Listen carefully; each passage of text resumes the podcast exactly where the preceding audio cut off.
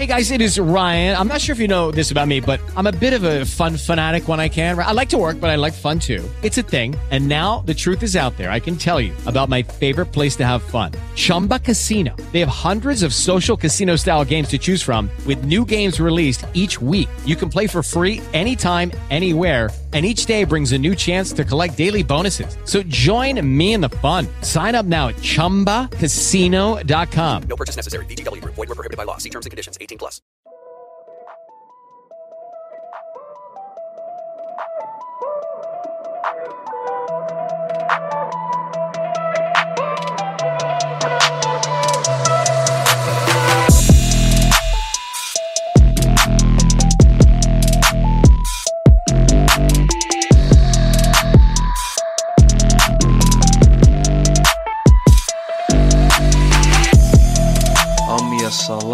Utopia FM in the building. Necəsiz? Ümid edirik ki, əhval-ruhiyyəniz, atmosferamız, əsas olaraq vibe-ınız qəşəngdir, çünki bugünkü podkast çox maraqlı, çox vibe-lı, nə bilim, necə istəyirsiniz olacaq da. Nə qədər bilmədiyimiz məlumat varsa, hamısını bu podkastda qonağımız vasitəsilə əldə edə biləcəksiniz. Bu podkast E, bu podkastda məndən başqa speaker Akşın Vahabzadə olacaq. Ey o millət axşamınız xeyir. Necəsiz? Necəsən? Yes. Bomba kimi bura sən necəsən? Şükür, salamatçılıqdır. Yusif, e, bu podkast haqqında düşüncələrin, gözləntilərin nələrdir? Bu podkast ümid edirəm ki, yəni Azrepə qulaq asanlar bilir qonağımız kimdir yes, və ümid edirəm ki, qonağımızla çox maraqlı diskussiya olacaq çünki onun haqqında çox informasiya yoxdur və çox adam onun necə adam olduğunu və onun gələcək layihələri haqqında heç bir informasiyası yoxdur və ancaq bu podkast vasitəsilə onlar məlumat alacaqlar. Onda məncə insanları çox gözlətməyək. Məncə çağıraq qonağımız gəlsin. Yes, qonağımızın trekini dinləyin, ondan sonra isə podkastı başlayırıq.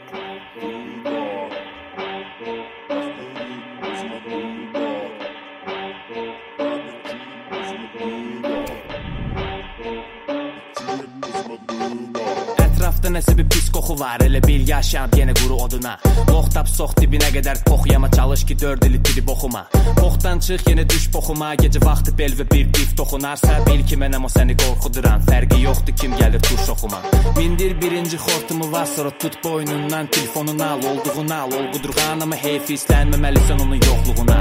Oldusa yaşıl onu doldururam Nə olmadısa mən onu oldururam. Elə buna görə də bir dəfə biri itələdi Əlindəki bıçağı mənim sol buduma Nəfəs alırdım amma inana bilmirdim Hələ də həyatı var olduğuma. Danışdıqca yoruluram Artıq başqa bir xəmirlə yoğruluram. Ağrıdan qovruluram Başımın üstündə çox bulud var. 140-ın zəminindəydim elə bil amma hər oyunda bir qol vururam.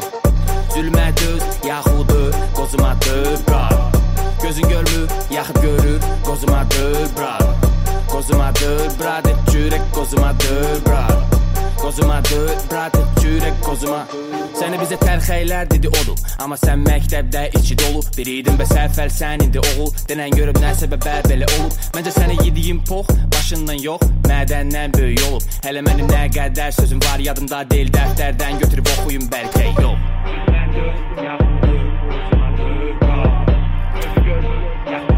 Qozuma döl, brat Zülmə döz, yaxudur Qozuma döl, brat Gözün görmür, yaxud görür Qozuma döl, brat Qozuma döl, brat Et çürək qozuma döl, brat Qozuma döl, brat Et çürək qozuma döl, brat Səni bizə Səni bizə Səni bizə Səni bizə Səni bizə tərxəylər dedi odur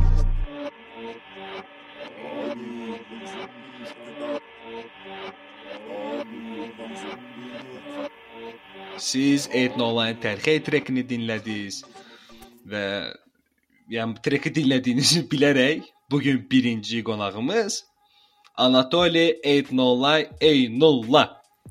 Yo yo yo yo. What's up? Axşamınız xeyir. Axşamınız necəsən Eynəmə? Əla kimi uşaqlar. Salamlayıram, təşəkkür eləyirəm təklifiniz üçün, dəvətiniz üçün. Sən çox sağ ol ki, gəldin, çünki bu çox maraqlı bir podkast alınacaq. Əminəm heç heç bir şübhəm yoxdur. Bu gün maraqlı söhbətlər eləyəcəyik. Mən hazıram, gözləyirəm. Onda başlayaq. Enola, ə, ümid edirəm yaxşısan, vəziyyətin bombadır. Ə, birinci sual olaraq ümumidən başlamaq istəyirəm. Ümumiyyətlə sənin rep tarixçən haqqında biraz məlumatlandırsan bizi çox yaxşı olar. Necə oldu ki, bu rep ə, sahəsini seçdin? Necə oldu ki, yəni bir gün oturdun, ağlıma gəldi ki, "Okay, mən rep eləməyə başlayacağam." Yes, Yoxsa bu yes. istedad var idi səndə? Uca dedin ki, "Yo, mən bunu üzə çıxarmaq istəyirəm." Hmm, əslində bu söhbət bütün reperlərdə standart bir cür olur. Hansısa reperə qulaq asırlar, i ondan başlayırlar. Bu hekayə hamıda fərqli, amma məğz olaraq eyni olur. Məndə də heç fərqlənməyəcək, məndə də məğz olaraq eynidir. Rep tarixçəm mənim e, başlayır mənə dayımın ad günümdə mənə CD hədiyyə eləməyindən. Doktor Albanın Hello Africa e, diski idi, albomu idi. Mənə onu hədiyyə elədi. Mən ilk dəfə replə tanışdığım bir şey oradan başlayır. E, asta asta asta asta mən də prosta bu iminlə bu sahəyə daha çox maraqdır. Həmişə buna qulaq asırsan, həmişə sən e, maraq dairəndə hip-hop artistləridir. Hip-hopdur da indi maraq dairəndə və sən prosta nədə sözü yoxlamaq istəyirsən. Mən də birinci yəqin ki, repdən başlayıb davam elədim. Ola bilərdi qrafiti ilə, başqa sahələrlə başlayım, amma hip-hopa başlamaq iminlə belə başlayıb. Təkcə repə yox da, bir dənə CD ilə, Doktor Albanın Hello Africa CD-si ilə, albomu ilə. Ümumiyyətlə belə də ümumiyyətlə bütün albomlar içində Aha. bizimkilər daxil olmaqla xaricdə də belə ən favorite'in var, ən sevdiyin ki, yəni hər dəfə qulaq asanda kayf alırsan. Aa, var, var. Kendrick Lamar'ın Gold Kid Mad City albomu. Oo.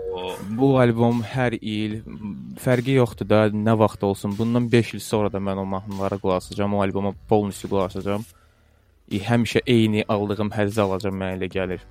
Amma təkcə o deyil də, ondan başqa da var. Hansıdır? Başqa Schoolboy Q-nun albomu var. Oxym Oxymoron-da yoxsa Oxymiron-da bilmirəm. Oxymiron, rus reperidir də. Hə. O albom Tyler'ın Tyler'ın ə, hansı albomu idi? Goblin albomu idi yoxsa Goblin track-ın adı idi? Yadımdan çıxdı. Va, va, şimdi yəni ümumiyyətlə dəhşət favorite albomlar çoxdur məndə. Mən vəbşə bir 5 il əvvəl dinlədiyim mahnılar var ki, mən onları seçsəm bəlkə indi ən favoritlərim olacaq da. Yadımdan çıxmış mahnılar var, albomlar var. Bəs elə o riski yadıma düşür də. Amma eşidən kimi. birinci yadıma düşdüsə Kendrick Lamar yəqin ki, ən belə şey odur da. Bəs hansındansa inspire, inspiration, yəni ilhamlanmaq söhbəti oldu. Hansındansa ilham aldın.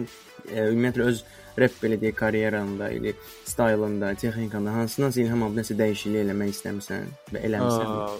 Ümumi olaraq bu vaxta kimi bu şey çox baş verməyib məndə. Çünki mən son son 1 illik demək olar ki, tam olaraq içimi kəşf eləmişəm, artist olaraq özümü kəşf eləmişəm və son 1 ildə mən artıq başlamışam nədənsə ilhamlanmağın necə olduğunun fərqinə varım da, yəni necə ilhamlanırsan. Prosta yadımda qalanlardan bəhrələndiyim, necə deyirlər, qidalandığım treklər olub, ya, amma ilk dəfə son bu 1 ildə 2 dənə, 3 dənə albomdan ilhamlanmışam. O da ki, e, al- tam olaraq albomun özündən yox.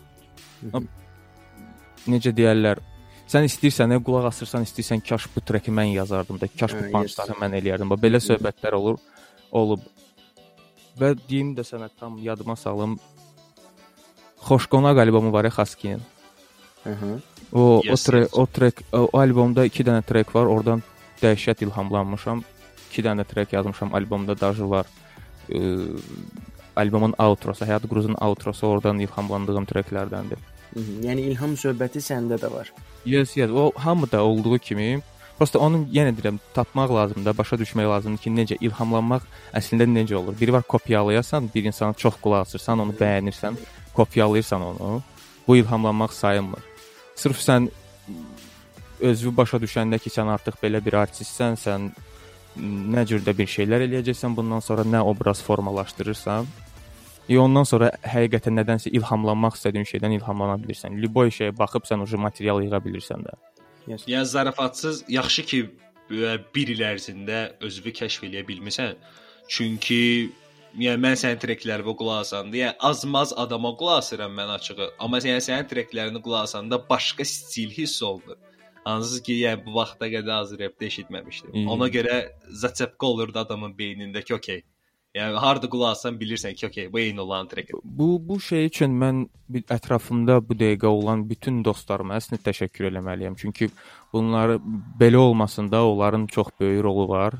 Ən ən əsas da ki 140 Vibes-in ə, ailəsi də 140 Vibes-də olan, 140 Vibes-də olmayıb da əslində bütün belə ən yaxın dost çevrəmiz bu insanların çox böyük rolu var ki Təlxəy trekini biz yazmamışdan qabaq, vəbşə də formalaşdırmağa da özümü tapmağa əslində reper kimi özümü tapmağa. Mən bundan əvvəl 4 ildir rep edirəm onsuz da. E, son 1 ildə ət, dost çevrəm, ətrafımdakılar, bunların hamısı yəni çox böyük rol oynayıblar bunda. Ümumiyyətlə elə dedin ki, 4 ildir replə məşğulsan. Necə oldu ki, ümumiyyətlə 140 vibes tanış oldun, qəribinə, fikrətlə, necə Əslində ümumiyyətlə komanda maraqlı- formalaşdı? Çox maraqlı tarixçəsi var ya bunun. Bu çox belə bomba mövzudur. Birinci biz e, Fikrətlə tanış olmuşuq. E, Targovoda prosta boş vaxtlar var idi. MC-nin qabağı zad söhbətləri var idi, yadınızdadır o söhbət. Ha, o o o cür söhbətlərin arasında biz Fikrətlə tanış olmuşuq. E, sonra biz prosta dost kimi, yəni hər dəfə bir yerdə vaxt keçiririk. O yan bu yan. E, hamının e, öz əlaqələri var axı. Onun əlaqələri, mənim əlaqələrim Yes. görə dost ortamımız artıq eyniləşirdi müəyyən qədər. Sonra biz Qəriblə tanış olduq. Mən bilmirəm, Qəriblə Fikrət lap əvvəldən tanış da yox, amma e, bir dənə battle, onların battle şeyi var idi. Qəribgilin e, lap əvvəl təşkil eləmək istədilər, nəsə bir layihələri var idi. Məni ora dəvət eləmək istəyirdilər. İlk tanışdığımız onda oldu Qəriblə. Həmin ərəfədə biz artıq Fikrətlə e, studiyaya götürmək, öz treklərimizi zapis eləmək, nəsə bir e, komanda, label yaratmaq planı bizdə var idi açığı. Biz 2 dəfə studiya dəyişmişik Fikrətlə bir yerdə. Sonra Qəriblə tanışdığımızdan sonra biz uje konkretno oturuşdu da hər şey oturuşdu. Elə bil çatışmayan adam gəldi, mövzular tamamlandı. Biz uje 140 vibes-i e, yaratmalı olduq da əməlli başlı. Dərviş bizim menecerimiz var idi. O bunun da böyük rolu var orada. Qəribin Qəriblə Dərviş bir yerdə, yəni biz onların ikisi ilə bir yerdə tanış olmuşuq. Bu uzun bir ərəfədir əslində. Mən qısa danışdım sizə, amma birinci Fikrətlə mən, sonra Qəriblə tanış olmaq, sonra ümumi dostluğu bərkitmək, sonra da 140 vibes yaratmaq bu belə gedib mövzu. Tarixçə çox maraqlıdır. Yəni sən danışdıqca mən özümə elə hesab edirəm ki, elə bil məndə 145-in bir şey üzvüyəm. Elə bil mən də sinəm bir yerdə McDonald's-ın qabağında elə tanış olmuşam. Doğrudan Biz o vaxtı biz o vaxtı çox əslində uşaq idik. Fikrət də mən də. Biz prosta e, ayrı-ayrı ikimiz də rep. Mənim o vaxt Şeyx idi nickname-im. Şeyx. Ha, mən o vaxtı ən böyük mənim baxış sayım 10 min idi. Əfsanə adında trekim var idi mənim. Eşitmişdin Yusif? Ha. İmенно bunu eşit, şi, em, İmенно şeyx olduğu əfsanə treki də eşitmişdim. Çünki bir dəfə eyni olan live-ına girəndə ya da ki hardasa o Kimsə, intervyuda nəsə qoyublar, hə? eşitmişdimsə, ən eşitmişdim ki, elə bir tema var, girib Ha. çək eləmişdim. mən mən o trekləri ə, öz YouTube kanalımdan silməyə niyəsə əlim gəlmir, bilmirəm də. Bu elə bil arxiv kimi qalıb məndə. YouTube-da onu bağlamışam. Hərdən açıram belə baxıram nəsə. Hər şeyin başlanğıcı kimidir də kanka. Hə, o əslində ən belə şeydir də, başlanğıcıdır. Rap artist kimi mənim ilk gördüyüm işlərdir onlar. 4 dənə, 5 dənə video var həmin YouTube kanalında. Ara sıra nəsə challenge-lar eləyirəm live-da zətdə göstərirəm. Random olur. Sənin live-ların da yəni öz yerində maraqlıdır. Bir də görsən nəsə bekarçılıq olur, otururam, görürəm ki, aha Enula live açıb. So join eləyir. Bilirəm ki, so live başladısa çəkəcək, saatlarla çəkəcək, maraqlıdır kimlər join eləyəcək. Yəni Yox, zarafatsız daha mən keçən dəfə Riya bekarçılığı idi. Gördüm Eynola live açıb. Gördüm ki, bir dənə mahnı qoyub yellənir də. Hə? Konkret on vibe-ına düşdü. Özü gecə saat 2-3 idi. Konkret yes, ləzzət yes, yes. Ka karantində mm, karantin tezə başlayanda bir dəfə live eləməyi yoxladım. Çox da həvəsim yox idi, bacarmırdım daha. Gördüm 4-5 nəfərlə çox maraqlı 2 saatlar keçirmək olur. Karantin başlayandan ucu o mən tandemi qırmıram da. Hər dəfə nəsə maraqlı bir söhbət gedir live-da. Tutmuşam da live eləməyin temasını. Yo, burası content yerindədir. Yes, yes. xoşdursa, bəyənilirsə, deməli zor kimidir. Yes. Ümumiyyətlə evet, e, sən dedin ki, Fikrətlə, Qəriblə tanış oldunuz, 140 vibes yaratdınız və səhv eləmirsə 140 vibes-in kanalında ən birinci trek nədir? Yes. Mən hətta indiyənə qədər ona qulaq asıram. Mən də indiyənə qədər. qulaq as- çıxıram deyirəm hara qumbara, ora qumbara. Yəni qabağıma sana deyirəm ora qumbara, bura qumbara. Yəni dildən düşmür. Bro biz ignor eləmişik. Yəni biz e, 140 vibes olaraq deməyim, Fikrətlə mən də sırf ikimiz ignor eləmişik o treki. Heç qulaq asmaq, heç klipə baxmaq istəmirik. Niyə ki? Bilmirəm, mən şəxsən öz adıma deyim, mən cringe oluram da. Özümü orada görəndə cringe oluram. Bu bilmirəm nədir, nəyə görədir bu. Prosta Ya o normal bəlkə bir şey. tələsmək idi, nə idisə, insanlar bunu bəyənib, bu çox bir şey idi. Prosta ondan sonra nəsə daha maraqlı eləmişik deyə mən özümü cringe görürəm də orada. Yo, bu normal bir şeydir. Nə baxımdan? Məsələn, mən də Utopia FM-də Yusifginlə məni podkasta çağıranda, ilk dəfə mən söhbət edəndə, okey, belə normal baxırdım falan. Ondan sonra öz podkastıma qulaq asıb biləndə, yəni cringe olurdum təbii ki, mən də özüm özümə. Yəni artistin də çıxardığı hansısa trekin özünün cringe olması, amma dinləyicinin bunu bəyənməsi belə deyək. Yes. Mənim fikrimcə yəni əslində yaxşı bir şeydir. Dinləyici bunu e, daha nə treki ilə bizi bəyənib 140 vibes-i e, necə deyirlər də mövzuya buraxdısa, mövzuya buraxdı, biraz qəribə səslənir. Onsuz da biz mövzudaydıq. Prosta 140 vibes olaraq nə treki ilə biz giriş eləyə bildiksə, müəyyən müəyyən dərəcədə çox insanda, yəni bu no name idi də biz bunu gördüsə belə bəyənsə, deməli track klip hamısı qaydasındadır. Prosta şəxsi özüm nəsə də xoşuma gəlmir. Daha orada belə bir söhbət var, bu çox az bilinir qeyd elədiyimizə baxmayaraq. Onun 3-cü versi var idi. Həmin track-in. E, o SoundCloud-da gedir. E, SoundCloud-da hələ yəni biz yerləşdirmişik. Onu qeyd eləmişik ki, dərsi qulaq asmaq istəyən SoundCloud-dan baxa bilər. Prosta klipi çəkəndə, klipi çəkəndə klipin həmin o hissələri 3-cü versin kadrları ürəyimizcə olmamışdı. Biz yarıdan elə bil 2 versdən prosta yekunlaşdırdıq, YouTube-a yerləşdirdik. Hı -hı. Belə uzun trek idi, yəni o. Amma klipin sənə deyim başqa kliplərdə mənə birinci ümumiyyətlə də Hı -hı. o klipə baxanda ən ləzzət eləyən şey o idi ki, baxanda hiss olunur ki, hip-hop mədəniyyətinin demonstrasiyasıdır. Yaşayır, hip-hop mədəniyyəti yaşayır o videoda başa Yes, düşürsən. biz biz orada ə, neçə vaxt Azrepdə, Azərbaycan dilində repdə, kliplərində daşı heç cürə ə, bu cür nə ə, şey ötürülmürdü, bu vibe ötürülmürdü. Biz o o klipi çəkməmişdən, o klipi çəkənə kimi biz həqiqətən o vallanı yaşamışıq da, o vibe-ı yaşamışıq. Hip-hopun necə deyirlər, ən underground-unu, ən old school-unu biz dinləyib prosta həzz alırdıq, başa düşürsən? Oradakı boş şalvarlar, oradakı nə bilim o görüntünü bilə-bilə hələ ötürmüşük. Prosta bu gəlib çıxdı söhbət ora ki, vəsə biz ancaq old school eləyəcəyik. Biz old school reperlərik. Bu belə anlaşıldı. Amma biz asta-asta göstərməyə çalışırıq, izah eləyirik ki, ancaq mövzumuz bu deyil də, bizim prosta hip-hop mədəniyyətini prosta tanıtmaq idi ilk trekdən, ilk klipdən, yəni. Oradakı boş şalvarlar, geyimlər, zətlər ona görə idi, yəni. Ya o konkret çox uğurlu alındı. Çünki indi çox adamın trekinə baxanda amma ancaq qızıl, qızıl dişlər, Maşın, qızlar, Maşın, qız, pul, fake obrazlar belə Bu deyim. əslində m, belə baxırıq bu popsa absurd səslənir biraz, amma ki ə, rekvizitlər də bunlar klipi bəzəyən şeylərdir. Prosta Azrepdə misal üçün 10 dənə artist varsa, onun ikisi onu eləsə bu maraqlı olar. Çox da artistlər və həddən artıq çox bunlar istifadə olunub deyə eyniləşirdi. Biz heç belə yaddan çıxmış bir şey kimi elədik, nəni? Və ona görə də maraqlı oldu mənə elə gəlir.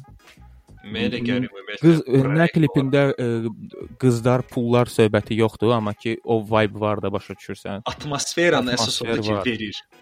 Yes. Ümumiyyətlə yəni nə treki, yəni syomkası, ümumiyyətlə birinci belə saymaq olar ki, ən professional işlərdən biri idi və birinci olaraq. Ümumiyyətlə işini proses O. necə hiss idi o ümumiyyətlə birinci dəfə ki, özünü konkret artist kimi hiss edirsən. Yes. Orada, Kameralar orada sənə baxır. klipin çəkiliş müddətində həqiqətən nə qədər də şey olmasa belə gəlib sənin üzvün şeyini dəyişirlər, nə bilim tonalini vururlar üzvə, nə bilim tərvi silirlər, nəsə geyinirlər. Belə şeylər də olmasaydı, olmasa belə biz həqiqətən professional ə, çəkiliş hiss elirdim də əməlli başda orada. Həm uzun müddətdən sonra mən ilk dəfə idi klip çəkirdim, klipim çəkilirdi. Həm də ki uzun müddətdən sonra komanda ilə iş gördük. Orada ə, massovka var idi. Ümumi də biz lokasiyalara gəzməli, maşın tutmaq bu standart klip çəkilişi kimi görsənirdi, amma ki mən onu hiss edirdim ki, bu nəsə maraqlıdır da başa düşürsən. Ə, 2 günə, 3 günə biz qutardıq onu, amma necə deyirlər, öhdəsindən gəldi də onun. Siz onu 2-3 günə qutardınız, amma yəni bu bu gündən hələ 2-3 il sonra da yəni onu dinləyənlər olacaq, hər zaman olacaq. Yəni Ya məndə adi iPhone-dur deyə telefon, ya Apple Music-də tapa bilmirəm deyə dokument kimi yükləmişəm ki, telefona. Dokumenti hərdən nastirəydim konkret çorta gedəndə qoşuram, başlayıram yellənməyə də. Zor kimi, amma ondan daha maraqlı treklər var ya mən elə gəlirsən. Onlar da çorta gedəndə Ya onlardan samosa boy. onlar da Ya, qulaq məncə. Bütün ya açıq danışacağam, az repdən məndə playlistdə çox adam yoxdur.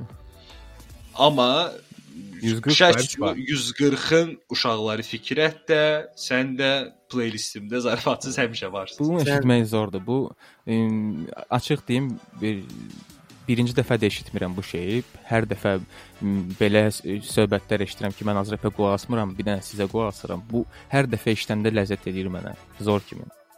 məndə misal üçün indi Spotify almağa pulumuz yoxdur, kasıbçılıqdır, zarafat bir yana. Mən ə, normalda 4G işlətdiyim üçün YouTube-dan açıb baxıram. Mən də YouTube-da constant işlətdiyim üçün playlistimi özüm yığıram YouTube-da. Mən YouTube-da özümün ə, playlistim var, sırf 140 vibes yəni, playlistidir. Ancaq 140 vibesin uşaqlarının sizin treklərdir. Yəni ən çox dinlədiyim bəlkə də odur. Yəni YouTube-u açan kimi birinci qabağıma sür ki, təzən qulaq asmaq istəyirsən, deyirəm ki, xoş getsin. Yəni Zor Nə Belə. treki belə ə, klip kimi çıxır YouTube-da girən kimi təklif eləyir onu YouTube. Misal üçün mənə yes. Playlistlərində varsa da, hə. Məndə Ya adi əgər 140-ın treklərini, ümumiyyətlə 140-ın kanalına subscribe olmusansa, i 140-ın məsəl üçün videolarını qulaq asırsansa, Aha. o trek, şey, məsəl üçün adi trekdən sonra nəyini göstərir məndə? Mən, mən belə ə, bir qərara gəldim ki, bax indi gəldi bu ağlıma. Nə treki 140 Vibes kanalının clickbait deməyə gəlir. Yəni o, clickbait eləyirsən. Yes. Sən ona girirsən və dəlşə açılır da orada yeni bir vibe-da. Ümumiyyətlə eyni ola 140 proyekt olaraq, label olaraq çox da yəni hamı tərəfindən bilinmirdi. Yəni onun mənə elə gəlir ki, başqa labellardan fərqli olaraq nəsə izyum var orada. Yəni adamı cəlb eləyən nəsə var ki, hamı 140-a qulaq asır. Yes. Yes, yes. Səncə yəni bu izyum nədir burdakı labeldəki izyum? Bu əslində fərqində olduğumuz bir şeydir. Bu 140 Vibes-ın mən deyərdim özəlliyidir. Səmimiyyətdir. Yəni bunun adı səmimiyyətdir. Hər şeyi açıq, aydın, səmimi şəkildə e, çatdırmaqdır. E, həqiqətən, həqiqətən yaşadığı, hiss elədiyi və insanların da hiss elədiyini, hiss elədiyi dildə daha doğrusu ötürməkdir. Prosta sound fərqi var da. Biz old school-dan ona görə başlamışıq ki, old school tərzdə, old school beatlərin üstündə ona görə eləməyə başlamışıq ki, bunun həqiqisi bundan başlayır, başa düşürsən? Və bu beatlərin üstündə ən səmimi treklərimizi, ən səmimi sətirlərimizi oxuyandan sonra 140 vibes-i e, dinləməyən belə tanıyır ən azından. Çünki e, s- səs eləyə bilir. Bu bu cürünə gedəndə, bu cürünə insanlarla adi bir insanla səmimi münasibət yaradanda sən o insanın yadında qalırsan mənə elə gəlir. Çünki sənin səmimiyyətin çox vaxt, yəni standart deyil də. Çox vaxt insanlarda tapılmır bu səmimiyyət. Yes. Məncə bunun adı səmimiyyətdir. 140 vibes-i çox belə dinlətməsə də, insanlar çox dinləməsə də ən çox e, necə deyim 18 e, 16 yaş 16 yaşdan aşağı dinləyənlər var bizə, amma 18-dən yuxarı artıq bizi tanıyır. Bizim dinləyicimiz deyil, amma bizi tanıyır artıq. Məncə Belə- bizə də elə Aha, buyur. Ə, ümumiyyətlə götürsək labellardan danışdı Yusif. Onu da qeyd etmək istəyirəm. Yəni 140 ə, rəqəm olaraq bizə çox maraqlıdır. Çünki rəqəm olaraq başqa labellar da var. Məsələn 420 ə, uşaqları da var. Okay, onları başa düşdük. Niyə görə 420? Bəs niyə imенно 140 vibes? Nəsə bir Bunun da tarixi bomba- var mı? bomba istoriyası var. Hə. Bizim e, qərib və dərvişlə tanış olduğumuz zərəfələrdə bizim artıq studiyamız var idi. Fikrətlə Okay. biz bir yerdə e, bunu təşkil eləmişdik və həmin studiya şeydə idi. Əlövsət Quliyev 140 küçəsində idi. Əlövsət Quliyev 140 küçəsi özdə həmin o e, küçənin adını bildirən o şey var ya, tablo. O nədirsə də dəmir. O düz bizim həyətin girişinin o darvazasının üstündə idi. Biz artıq neçə müddətdir tanış olmuşuq, qərara gəlmişik ki, label eləyəcəyik, label yaradacağıq və ad artıq ad tapmaq lazımdır bütün dostlarımız belə bu mövzunun içində olanlardır. Brainstorming eləyirik evdə, nəsə atırıq ortaya, filan beşməkan. İ 140 140 vibes, 140 e, Əlövsət Quliyev 140 da, yəni tema burdan yaranır və gedir də. Bir neçə dənə dəyiş dəyişikliklər oldu, sonda 140 vibes qaldı. Daşı biz ə, əlimizlə loqoları cızırıq, nəsə axtarırıq, oyan, yəni çox sadə bir anlıq prosta yaranır və hamı hamı soruşur 140 nəyə görə 140 və hər yerdə bunu bəlkə 100-cü dəfədir biz deyirik də. Məncə burada ucu daha çox insana ucu gəlib çatar da bu Yes. sualına maraqlıdırsa. Yes. Ümumiyyətlə bu podkastda ümid eləyirik ki, izləyicilər və dinləyicilərin sənin haqqında 140 vibes haqqında olan suallarının belə cavabları yerləşir. Burada bizi dinləyəndən sonra bütün sualların cavabları artıq Yes, yes. Hələ ki, hələ ki indiyə qədər olan bu suallar ümumi insanları maraqlandıran suallar idi və hamı bunu fərqli-fərqli cümlələrdən verir. Məncə zor kimi gedir də. Cavablayırıq kimi. Hamının hamının suallarının cavabı var məncə bu podkastda. Olacaqlar. Eee Enonla 140 vibes-dən danışdıq. Nədən danışdıq? İndi əsas məsələyə gəlib partlayış eləyən təlxəy treki. Yes. Yəni təlxəy treki Yes. belə açıq özümdən danışacağam. Məndə yeri o qədər əzizdir. Bunu səndən əvvəl danışanda demişdi. Yəni çünki ora mənim məhəlləmdir. Bizim Hoppa. binadır, bizim mərtəbədir. Yəni mən Hoppa. klipi görəndə şoka düşdüm. Dedim ki, necə olur bu?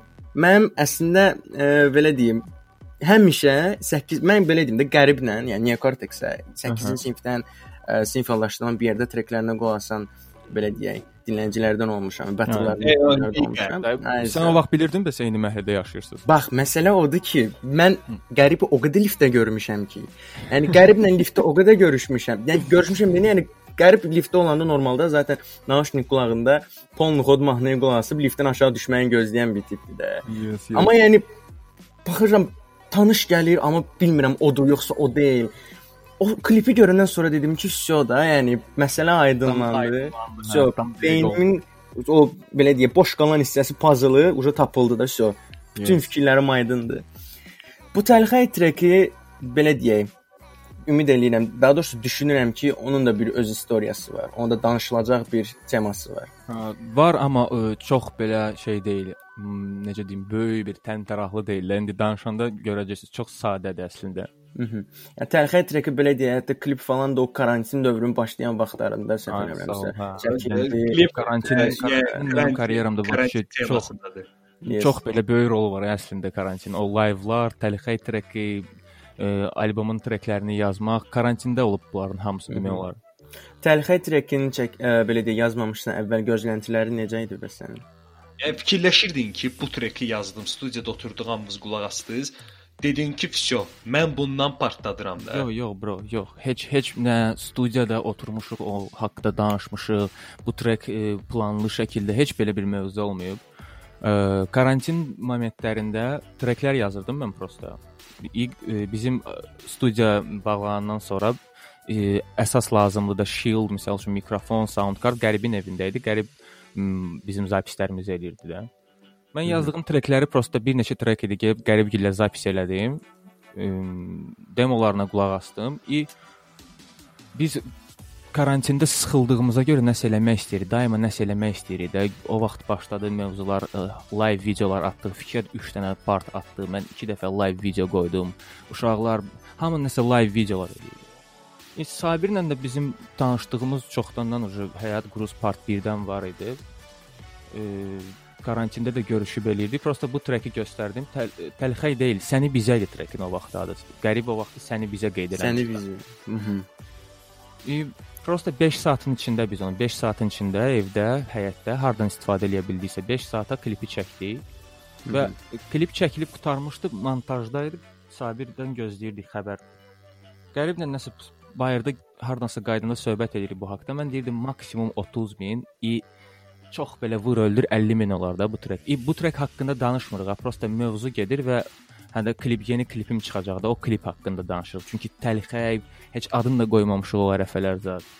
Çox sadə, prosta heç gözləntim olmayan momentdə ə, birdən-birə yəni belə reaksiya gördü. Bu çox xoşdur. Bu ə, nələrisə mənə göstərdi, nələrisə yaşatdı ki, ha belə şeylər olur. Gözləmədiyim momentdə track partlayır. Gördüm ki, həqiqətən burada da o səmimiyyət var idi. Mən trackdə də mən belə hiss eləyirəm. O səmimiyyətə görə də bu qədər yayıldı da yəni məncə. Yəni belə deyim, Əzizdir yeri məndə həyə, həyata görə səmimi də, yəni bu, bu da burada da səmimiyyət var da görsən. ümumiyyətlə trekin ə, soundu olsun, ondan sonra elə liriksin özü olsun, videonun montajının özü olsun. Yəni hər şey yəni nöqtəsi vardı. Hər şeyin öz nöqtəsində bir qoyulub. Yəni perfect də belə deyim. Bro, Ya mən mən- mən, orada bir dənə prosta e, treki yazmışam, sətirləri yazmışam və mikrofon qarşısında oxumuşam da. Onun 2 dəfə, 3 dəfə bitini qərib dəyişib. Orada Dərviş e, bütün kadrları Sabirlə bir yerdə yazıblar, hazırlayıblar 2 gün əvvəlcədən və Sabir bu klipi yaradıb. Başa düşürsən, bu arxada çox adamın əməyi olub. Mən sadəcə orada treki oxumaq və performans göstərmək qalmışdı bir dənə mənə. Hı -hı. E, Burdan bir dənə prosta bir şey izah eləmək istəyirəm. Bu nüansı ona görə qeyd eləyirəm. Yəni bu, bu trek misal üçün ilk çıxanda yox idi şeydə. E, iTunes-da heç bir yerdə yox idi da. Sonradan biz onu yerləşdirdik. O beatmaker bit yığıb burada, e, videoqraf e, işini görüb, cover maker işini görüb, menecer işini görüb, mən treki yazıb zapis eləmişəm. Bu arxada da elə adını çəkmədiyim adamlar iş görüb də əziyyət çəkib. Və sadəcə 1 dollar insanlar bunu verib almalıdır ki, qulaq asmalıdır ki, istə bu şeyə çatsın da, yəni gəlib çatsın o yerə. Bu adamların gördüyü iş varsa, qarşılığını alsın da. İnsanlar məsəl üçün bunu bilmirlər. YouTube-dan qulaq asdım, ifşa keçdi də başa düşürsən. Amma o- arxada əmək gedib də bunun üstündə başa düşürsüz. Yes. Bu bu Yəni bizdə zarafatsız dinləyici mədəniyyəti deyilən çox azdır. Hələ ümumiyyətlə rap, hip hop həyatında, mədəniyyətində dinləyici mədəniyyəti bizdə yoxdur. Yəni sən adi Eynullah deyə gedib konsert versən, heç kim əlini cibinə atmayacaq. Deyəcək ki, YouTube-da var da mən niyə gedib live qulaq asıram? Ya da ki, Apple Music, Spotify-a mən niyə pul verirəm ki? Başa düşmürlər ki, insanlar siz artistə support eləyirsiniz ki, bu sabah daha yaxşı treklər buraxsın, daha yaxşı post production olsun. Bu o demək deyil, e, mən qazanım, sevinim ki, pul qazanıram, bu mənim artıq qazanc yerimə dönsün, mən trek yazmağa davam edim. Bu o demək deyil. Sizin trekləri platformadan ə, qarşılığını, pulunu verib almağınızın səbəbi odur ki, bu mədəniyyət belə formalaşsın və belə davam eləsin və o hansısa yatırım baş verə bilsin. Mən danışdım Təlxəyin istoriyasını ki, 5 saatın içində karantində sıfır büdcə ilə çəkilmiş bir klip idi. Bunu siz bəyəndiniz və siz dəlşə nəsə bir başqa ə, bəyənmək istədiyiniz sizin ə, moodunuza uyğun trek istəyirsinizsə, bunu görmək istəyirsinizsə, bunun üçün nəsə eləməlisiniz, başa düşürsən? Amma mən belə bir şey deyərdim. Dinləyicini burada çox bütün mövzuları dinləyicini şey eləmək, günahlandırmaq olmaz. Təbii ki. Ə, misal üçün konsertdə niyə gəlmir dinləyici, niyə burdan almır, niyə və bütün bu şeylərin başında əslində artistlərin özü dayanıb, reperlərin özü dayanıb. Ə, indi hal-hazırda yavaş-yavaş axarında getməyə başlayıb deyim, yoxsa bilmirəm. İstəyirlərmi nəsə eləmək, hamımız da, yəni öz hamımızı nəzərdə tuturam da, yəni bunun içində. Dinləyici konsertdə gedib konsertə ona görə gedir ki, qulaq asdığı artist orada ona live performans eləsin. Yes. Amma mən çox az, yəni heç yadımda da deyil, bilmirəm hansının adını çəkəcəm. Konsertdə olmuşam, konsert görmüşəm ki, orada həqiqətən live performans olur. 7 manat məsəl üçün bileti verir dinləyici gəlir və istədiyi artist oradan live oxuyur. Bu heç vaxt görülməyib, başa düşürsən? Birinci e, bundan başlayıb bunu dəyişməliyik ki, dinləyici artıq bilsin konsertə nəyə görə gəlməlidir. Yəni konsertdə sən gəlib ə, m, YouTube-dan açılır arxada və mikrofonu artist əlində tutub eyni şeyi oxuyur və fonoqrama sayılır da bu. Bunun üçün ə, konsert eləmirlər, konsertə gəlmirlər, başa düşürsən? Bu dəxilsizdir. Ya açığı da adam konsertə gedir ki, istədiyi artistə həmin mahnını prosta live görsün. Yes. И одновременно atmosferaya düşsün. Yes, o Məsələn, atmosfer atmosferi yaşasın. Ə, Artist qabağında bu dəqiqə onu canlı oxuyur. O sevdiyi mahnını canlı oxuyur, başa düşürsən? Ə, Bunun üçün pul verib gəlir. Bu mədəniyyət əslində hər iki tərəfdə dinləyici, artist, yəni ə, ikisinin də məncə m, öhdəlikləri var. İkisi də bunu eləməlidir. M, Mən öz adıma deyirəm ki, mənim üstümə düşən öhdəlikləri maksimum dərəcədə təmənnasız da, yəni qarşılıqsız dinləyicidən nəsə güdmədən bu vaxta kimi eləmişəm də, maksimum dərəcədə çatdırmışam. Və mənim bu daha bizim bu podkastı çəkməyimizin səbəbi mənim yazdığım status idi Facebookda. Yadınızdadır yəqin ki. Yes, yes. Yəni yes. mən orada orada çox geniş, həmin ərəfə daha mən çox danışmaq istirdim. İndi necə deyim, albom dinləyicilərimə albom verəcəm. O qədər də çox əsəbi deyiləm onlara əslində. No, məsələ orasındadır ki, demək istədiyim o idi ki, həmin hərflər bu podkastın ümumi məğzi odur ki, dinləyici öz öhdəliyini görsün, dinləyici öz də öhdəliyini bilsin. E, bu bir növ necə deyim, yeni bir nə, e, çağdır da bu necə deyirlər, yeni bir e, momentdir ki, bu başlayır, bu addımı atırıq və bundan sonra belə davam eləyə bilər. Başa Revolyusiya başlayır. Aha. Revolyusiya hip-hopa. Belə necə deyim, hamı öz öhdəliyini başa düşüb görməlidir. Yes. Dinləyici izləyici ilə özünü səhv salmamalıdır. Ən böyük ən böyük məsələ odur. Yes, o tamamilə düzgündür zarafatsız. Ya çox vaxt elə olunur. Ümid eləyək ki, bundan sonra dinləyiciləyən podkastı dinləyənlər və e, bizim bayaqdan danışdığımız həmin tipli insanlar hansılar ki, e, belə deyək, artistin çəkdiyi əziyyətə, e, belə deyək, əməyə hörmət qoymayıb daha çox ki, piratski dinləyim, YouTube-dan dinləyim, bəs deyənlər nəsə bir belə deyək, ə, bir məğzini başa düşənlər söhbəti nəsə dərs alırlar. yəqin ki, bunu ba- başa düşmək üçün ə, çox bir şey tələb olunmur bu şeyi dərk eləmək üçün də. Amma mən ə, yenə qeyd edirəm və bu ondan vacib bir məsələdir. Dinləyici bu səviyyəyə gəlib ona görə çatıb ki, dinləyiciyə həqiqətən maraqlı nəsə göstərilməyib bu vaxta kimi, lazımlı öhdəliklər verilməyib, öhdəliklər göstərilməyib. Dinləyici vəbşə bilmir o dinləyici kimi hansı şeylər eləsə daha yaxşı olar, eləməsə necə deyim, eləməməli olduğu şeylər var da məsəl üçün. Hı -hı. Artistlər, artistlər özləri bunun əvvəlcə fərqində olmalıdılar ki, bu dinləyici məndən nəsə gözləyir də, düzdür? Mən buna elə şəkildə verməliyəm ki, elə professionallıqla lazım deyil, hər hər cürə professionallıqla. Amma başını da allatmamalısan da, başa düşdün? Yes. Məncə- Yəni ümumiyyətlə bizdə indi ölkə olaraq da hip-hop mədəniyyəti yavaş-yavaş da olsa inkişaf etməyə başlayıb. Təbii ki. Yəni adi e, mən Eynullah ilə Fikrətin Efraimin e, Yagermeisterə verdiyi live konsertə baxmışdım karantində. Yəni. Yəni yəni heç nədən bilirsən necə? Yəni adi karantində oturub fikirləşsən ki, nə etmək olar? Reski belə bir kollab çıxır. İ, görürsən ki, keyfiyyətli iş live oxunulur. Ekrandan da olsa, Eynullah bayaqla live-larında dediyim söhbət. Ekrandan da olsa heç olmasa biraz vibe gəlir, atmosfer gəlir. Yes, yes. Ona görə də elə şeylər olanda adam ucu ümidlənir ki, heç olmasa Azərbaycanda hip-hop mədəniyyəti başlayır inkişaf eləməyə, sponsorlarımız çoxalır, dəstək heç olmasa biraz çoxalır. Çünki o vaxtı mənə də gəlir ki, dəstək 0 dərəcəsində idi. Təbii ki, təbii ki. Ə, bu vibe-ı hiss eləmək, vibe-ı ümumiyyətlə başa düşən insanlar bunu belə tələb edirlər. Onlara belə xoşdur. Məsəl üçün sən adi live, Instagram live-larından sən vibe ala bilirsənsə, ə, sənə deməli bu xoşdur. Sən bunun fərqindəsən də. Bu vibe bilirsən nə vibe-ıdır.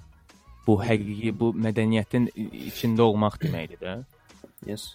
Ya, belə deyim, bu mədəniyyət ə, ən azından Ümumiyyətlə bizimkilər nə fikirləşsən? Yo, yo, ən azından mənim fikrimcə bizimkilər, yəni bizim dinləyicilər ə, azdan çoxdan xaricə baxsalar, yəni oradakı insanların belə deyək, ə, attitude deyəcəm də, yəni davranışlarına, bu dinləyici mədəniyyəti, onlarda bilsən necə, yəni dinləyici mədəniyyəti yaxşıdır, pisdir, inkişaf eləməlidir söhbət yoxdur. Onlarda elə əvvəlcədən yəni normal standartlarla getdiyi üçün hər şey qaydasında gedirdi. Yəni ə, artist də öz istədiyin qazanır, dinləyici də öz istədiyin qazanır. Yes. Bizdə ə, hələ də o ə, nə edirəm, mən götürüm Spotify pul verim, bir kimi YouTube-dan girib baxıram da. Fikri bizdə düşüncəsi hələ də qaldığı üçün ə, problemlər yaşanır. Yəni biz ümid eləyək ki, gələcək illərdə bu, problemlər- problem bu ümumiyyətlə aradan qalxar. Aradan qalxmağı biraz zaman alacaq əslində. Amma bu problemlər başa düşmək lazımdır ki, hamımızın problemidir ya. Yəni e, dinləyicinin də, mənim də qıraqdan bizə baxanın da qlobala çıxmaq istə istəyi var hamımızda. Hı -hı. Görək onu kim eləyəcək birinci Azərbaycandan. Bu qlobala çıx. Hamı hamı elə ondan danışır, hələ ki Amma amma bil, biz bilmirik ki, qlobala çıxmaq üçün hansı öhdəliklərimiz var, hansı nüanslar var ki, biz orada o addımları düzgün atmalıyıq da. Yes. Qlobala çıxmaq- çıxmaq üçün Eurovision-a çıxacam söhbəti deyil də bu şey. Ql- Qlobala çıxmaq həm də hansısa trekin ə, Almaniyada, Türkiyədə dinlənməyi demək deyil. Mhm. Ə, mən belə bir şey deyim. Bayaq yadımdaydı, indi biraz yadımdan çıxdı. Ə, dinləyicilərin bax, dinləyicilər misal üçün Instagramda adi dinləyici deməyim də, ümumi bu Instagram ə, istifadə edənlər, bu əsas yeni nəsil, gənc nəsil də mem mədəniyyəti yoxdur deyə, mem anlayışı da yoxdur.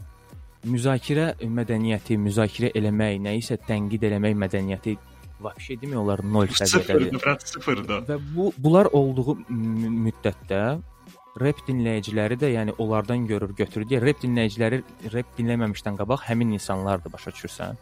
Mən trek çıxardana kimi o insanlar prosta Facebookda boş-boş komment atan insanlardır ki, gəlib orada boş-boş kommentlər atacaq mənim trekimin altına. Bu dinləyici sayılmır.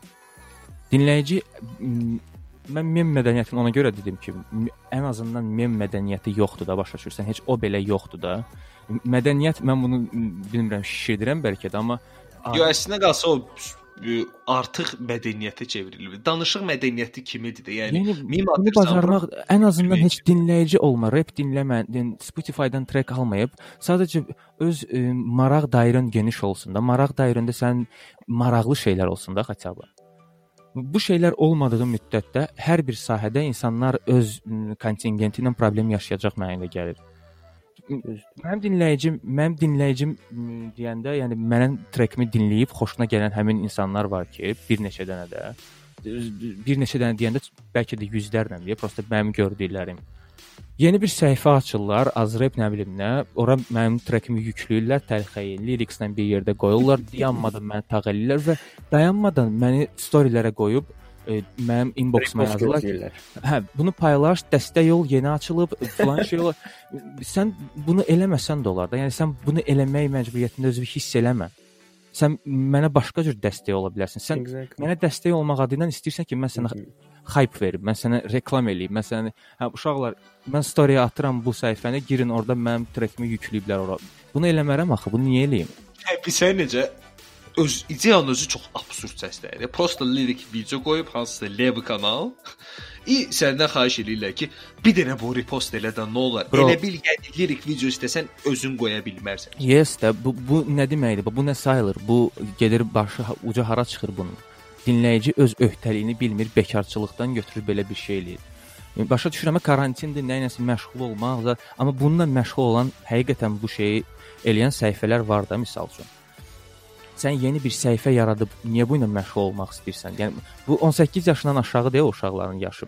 Yəni çoxsa kontingent odur. Yəni amma necə deyim, başqa öhdəliklər də var da. Sən yəni nəyisə müzakirə edib bu treki hardasa başqa bir platformada müzakirə edə bilərsən. Bu haqqda belə bu- bundan belə e, istifadə edə bilərsən də. Niyə iminə sən istəyirsən ki, səhifə açıb orada paylaşasan və sənin çoxlu follower gəlsin. İnsanlar xoşuna gəlir axı. Deski Eynulla məni repost elədi. Ondan əlavə belə deyək, yəni bu səhifə açıb paylaşmaq söhbəti əslində bunun olması bir növ mənim fikrimcə normaldır, amma kimlərə aiddir? O səhifələr ki, məsəl üçün davamlı olaraq, okey, Azrepdə baş verən hansısa e, nə bilim, bir söhbəti deyil, nə bilim kimsə Yeah. albom çıxarmaq istəyir, nəsə teaser var, onu paylaşır. Yəni məlumatlandırıcı bir səhifədirsə, Lap- okey, hə. başa düşərəm. Təzə çıxan trekini o paylaşır, deyir ki, bəyəndiniz falan filan. Amma bunun sayt o qədər çoxdur ki, yəni elə səhifələrin sayı o qədər çoxdur ki, artıq bir məna daşımır. Okey, mən Ay, paylaşım, o paylaşsın. Okey, mən hype tutum, mən follower qazanım. Yəni bizdə e, belə deyək, bu sosial hesablarda e, follow qazanmaqdır əsas məqsəd. E, Yes. Əslində yəni söhbət o deyil. İnsanlar başa düşmürlər sosial e, şəbəkələrdən, sosial hesablardan necə istifadə eləmək lazımdır. Yəni bunun özü də bir problemdir hal-hazırda. 100% bu deyirəm də bu dinləyicilər dinləyici olmamışdan qabaq hamımız prosta sosial e, sosial mediadan istifadə edən insanlarıq da, düzdür, hamımız. Mən reper olmamışdan əlavə də mən bütün gün telefon əlimdə olan bir insan idim də, başa düşürsən. Mən bu sosial mediada reper kimi öz obrazımı tanıdıramsa, başqası da nəyinisə başlayır paylaşmağa orada. Amma ortada dediyimiz kimi bu cür nə, bu sahədə bu e, səhifələr o qədər çoxdur ki, sən artıq başa düş ki, məsəl üçün bunu eləmək istəyəndə bu buna qulaq asırsan və sən istəyirsən yeni bir şey səhifə yaradıb paylaşasan. Bro, yəni eləməməlisən. Ona görə ki, nəyə n- niyə də yəni səbəb yoxdur. Başa düşürsən, mən girib sənin profilini paylaşsam belə heç nə dəyişməyəcək. Sən ayrı bir şeylə məşğul olmağa çalış. Yəni biz özümüz adi e, Ceyhun burada yoxdur, amma Utopiya komanda üzvü Ceyhundur. Biz adi yəni bizim üçün də karantin çox amma çox vacib rol oynadı. Çünki Utopiya ümumiyyətlə podkast özü olaraq şeydə yarandı. Karantin formasında yarandı ki, dedik ki, yəni insanlara heç olmasa maraqlı informasiya çatdıraq. Maraqlı insanları dəvət eləyək Vacib ki, bir şey yaratmısınız bura. Çox lazımlı, çox Çünki bomba yəni bir biz kontent. necə mən özüm baxırdım ki, mən hətta Ceyhunla birinci dəfə Utopiyanı çıxardanda və 140-ın o vaxtı Təlixəyə mahnısı çıxmışdı Efraimin Götgüründə. Trek mahnısı çıxmışdı. Mən də dedim ki, yəni, biz sən necə elə adamlar var ki, onların onlar haqqında heç bir informasiya yoxdur. Ay sağ ol. Mən hardan mən Eynullahı tanımıram. Mən hardan bu insan haqqında informasiya əldə edeyim? Hardan intervyusuna baxım? Ancaq bizdə yəni çox adamın baxdığı Murad Arifin şousudur. Bir də Krışa şoudur. Yeah. Amma yəni o da çox formaldır. Yəni televiziyadadır deyə daha Mən, çox mən, mən təzəlicə bilmişəm, kstati Murad Arifin verilişi televiziyada göstərilir. Hə, hə, Orada mənim hazırda trekim gedib. orada mən də təzəlicə öyrəndim ki, orada səhv eləmirəmsə ictimaidə görsənilir. No, в общем, yəni heç bir insan haqqında mən əldə eləyə bilmirəm informasiya. Ümumiyyətlə belə deyək. Qərara ə, gəldiniz ki, özünüz eləyəsiniz, belə bir kontent Yes, yaradarsınız. yes. Çünki ümumiyyətlə mən məsəl üçün Yusif mənə belə bu fikri deyəndə mən dedim ki, Yusif çox bomba olar. Yəni mən indiyənə ki mən qabağıma heç vaxt ki podkast söhbəti çıxıb, yəni xaricilərdə aktual bir şeydir. Amma bizdə sırf Azərbaycanda podkast ə, belə deyək, kontent olaraq, keyfiyyətli kontent olaraq heç vaxt görməmişəm. Gördüyüm də ancaq Murad Əlifin verilişi olub ki, o da mən belə başa düşürəm ki, onun özünün belə deyək e, formalaşdırdığı bir şeydir. Yəni orada tək okey maşında carpooling kimi sayılmır da. Orada O çox da podkast sayılmır sayılmır. Aynen yan, yanında oturan şəxs okey açır orada ə, Azərbaycan pop musiqilərini dinlədir. Heç belə deyək, hamısı da reper deyil. Yəni adi Röyadan tutmuş Aygün Kazımovaya qədər ə, musiqilərin açıl açır artistləri, onları dinlədir. Onlara qiymət vermə məcbur edir. Ortalarda ə, həmin şəxslərlə ə, belə deyək, onların həyatı haqqında, onların karyerası Və haqqında mən görünməsə də mənə elə gəlir ki, orada biraz şey var, e, çərçivə var, müəyyən qədər çərçivə var. Daşı bu əgər efirdə gedirsə, hə, sonradan daşı YouTube-da görmədiyimiz kimi olur efirdə. Bu bu kontent siz çox yaxşı fikirləşmisiniz. Çox hamıya karantin əslinə düşərli olub, hamı bir cür istifadə edib. Siz e, ən lazımlı şey, şeylərdən birini yaratmısınız da, yəni çox vacib. Mənə elə gəlir ki, hamımız, mənə elə gəlir bütün hip-hop həvəskarları biraz biraz elə eləməlidir ki, hip-hop mədəniyyəti Azərbaycanda formalaşmağa başlasın. Yoxsa bizim pokoleniya eləməsə, yəni mənə elə gəlir ki, hip-hop hələ təzə qızışan vaxtı ölməsin. Eynullahın da dediyi kimi, əgər hərə hamı öz üstünə düşən belə deyək, işi görsə, biz polnu qabağa gedə bilərik. düzgün görsə amma bilsə ki, onun öhdəliyi nədir? O üstünə yük düşməyibsə, üstünə iş düşməyibsə, əlini hansı yerə atsın, hardan başlasın o işi götürməyə. Yəni dinləyici sayır sözünü üstünə bir şey düşməyib. Yəni heç mən yalvarmıram ki, girib mən hardansa dinləyib alsın. Əgər o məni dinləmək istəsə, bilməlidir hardan başlamalıdır. Yes. Bu, bu bu yaranacaq. Bu e, mənə elə gəlir ki, bu haqqda biz bir neçə dəfə də danışsaq, bu həqiqətən lazımlı bir mövzu kimi getsə həmişə başqa başqa artistlər də, başqa sahənin insanları da, başqa sahənin artistləri də bu haqqda danışsa, geniş mənə elə gəlir ki, düzələcək. Hətta bizdə belə bir problem də var ki, ümumiyyətlə hip-hop mədəniyyətindən var. Hip-hop mədəniyyəti yəni hər şeyə şaxələnir. Onun daxilində geyim mədəniyyəti də var. Yəni bizdə normal swag geyinmək istəyirsən, hamı sənə niyəsə qəribə baxır. Yəni mən istədiyimi geyinirəm. Hip-hop tərzdə swag geyinirsən, geyim mədəniyyəti deyilən bir şey var da. Yes. Hamı nəsə qəribə baxır ki, yəni bu nədir? Bu nə geyinmisən? Bu bu məncə biraz azalıb əslində em, swag geyinənlərə biraz qəribə baxmaq. Ona Əvvəllər görə ki, əvvəllər də dəhşət çox idi. Bizim o fikrətlə tanışdıq ə, ərəfələrimizdə, yəni dəhşət var idi. Daş bizdən əvvəl bunun əziyyətini çəkən uşaqlar olub. Yəni qərib gilzad daha çox əziyyətini çəkiblər geyimlə bağlı insanlardan qəribə reaksiyalar zad. Biz müəyyən qədər və məncə yekunlaşıb ona görə ki swag geyinənlərin sayı çoxalıb. Yəni artıq hamı başlayıb belə geyinməyə və necə yəni gəldi? Mən şəhərə çıxanda, yəni Budapeştdən qayıdanda birinci dəfə şəhərə çıxanda özüm sevindim ki, yəni okey, hamı dəyişib. ümumiyyətlə uje formalaşmağa başlayır. Amma bu da bu da ayrı bir mövzudur ki, hmm, necə deyim, mən çox narahat eləyir bu mövzu bilirsən. Hamı eyni cür geyinir, hamı. Hamı eyni şeydən alıb geyinmək istəyir. Nə açıqdır. İndi olmaqdır. Yəni o Konsertlər, konsertlərə gələndə hamısı eyni tipdə olurlar və heç biri o vibe-ı gəlib orada düzgün ötürə bilmir də. Mən mən çox konsertdə olmuşam. Mən Azrep dinləyicisi olmuşam da, olduğum Azrep dinləyicisi necə deyim, Azrepdə artistlər olub ki, bir neçə dənə də mən onların konsertinə pul verib gedib almışam. Ə, biletlərini, daha fikrət də həmişə VIP ilə gedib oturub bəzi reperlərin konsertində biz albomlarını almışıq. Biz daima bu valların içində görmüşük də insanları. Geyim mədəniyyəti, geyim ən birinci vacibli bir şeydir ki, sən geyindin bayıra çıxırsan da, harasa gedirsən, muda uyğun sən geyinirsən, konsertə gedirsən, e, sərgiyə gedirsən, filan yerə gedirsən. Bunu sən özün yarada bilərsən də misal üçün. Nəinki başqasına baxıb onun geyimindən ya qəribə deyəsən, ya ağzın açıq qalsın. Yəni geyim elə bir şeydir ki, insanı birincisi elə bir təsvir eləyir də. Yəni insan necə adam olduğunu birinci geyiminə baxanda fikirləşmək olur. Yəni təsvir eləyir. Bu da yəni mənə elə gəlir ki, individual bir şeydir. Yes. Yəni demək olmaz ki, ayda mən onun kimi geyinmək istəyirəm. Yəni olmur da. Yəni sən Tam individual olmalı. təbii ki, hamı deyir mən nəsə görür hardasa, nəsə bir şey xoşuna gəlir və istəyir ki, elə bir şey yaratsın, amma bu insanın öz özündən asılıdır ki, necə eləyəcəksən bunu. Sən bir şeyi götürürsən, misal üçün ilhamlanmaq mövzusu da, nədənsə ilhamlanırsan, nəsə xoşuna gəlir. Nəyi özünə necə əlavə eləyəcəksən. Sən baxırsan bir insan bomba geyinib, o ondan nəsə özünə oğurluyursan tutaq ki, hə? Bunu prosta özündə necə formalaşdıracaqsan, bu sənin özündən asılıdır. Konsertə misal üçün gələn insanlar özləri bilməlidirlər ki, konsertə gedirlər və nə cür geyinməlidirlər. Bayıra çıxırsan sən gündəlik bilməlisən ki, necə geyinirsən də, yəni ən azından sən hip-hop mədəniyyətinin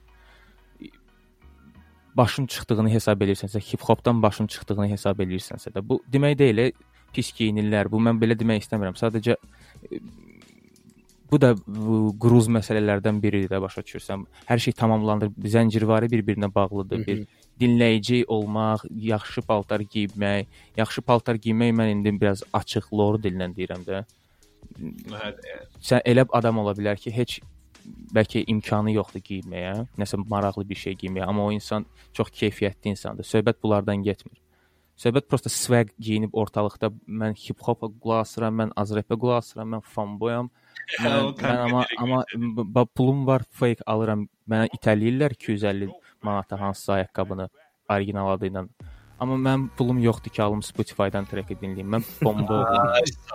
Vay, sözüm sözüm yəni bu, bu tip bu tip insanlaradır ki, bu insanlar keçən illəri 17 yaşları var idisə, ucu 18 yaşları olacaq. Gələn il 19 olacaq. Yəni kimsə kimsə nəsə bir şey bunlara zamiçan eləməlidir, elə bir irad tutmalıdır da. biz səninlə tamamilə razıyıq. Məncə ə, bu utopiyanın birinci hissəsini yekunlaşdıraq. Yes. Gedək əynimizi qəşəng düzgün geyinək qayıdaq. Yes. qəşəng. 9-cu buraxılışının birinci hissəsi idi. İkinci hissəsi daha da bomba mövzuların olacaq. İkinci yes. hissəsində isə daha bir dənə ekskluziv trek olacaq. Yes, yes. İkinci hissədə görüşərik. Sağ olun. Sağ olun. Sağ olun. Qalın. Gecəniz xeyrə. Peace. Lucky Land Casino asking people what's the weirdest place you've gotten lucky? Lucky? In line at the deli, I guess? Aha, in my dentist's office. More than once, actually. Do I have to say? Yes, you do. In the car before my kids' PTA meeting. Really? Yes. Excuse me, what's the weirdest place you've gotten lucky? I never win and tell. Well, there you have it. You can get lucky anywhere playing at LuckyLandSlots.com. Play for free right now. Are you feeling lucky? No purchase necessary. Void where prohibited by law. 18 plus. Terms and conditions apply. See website for details.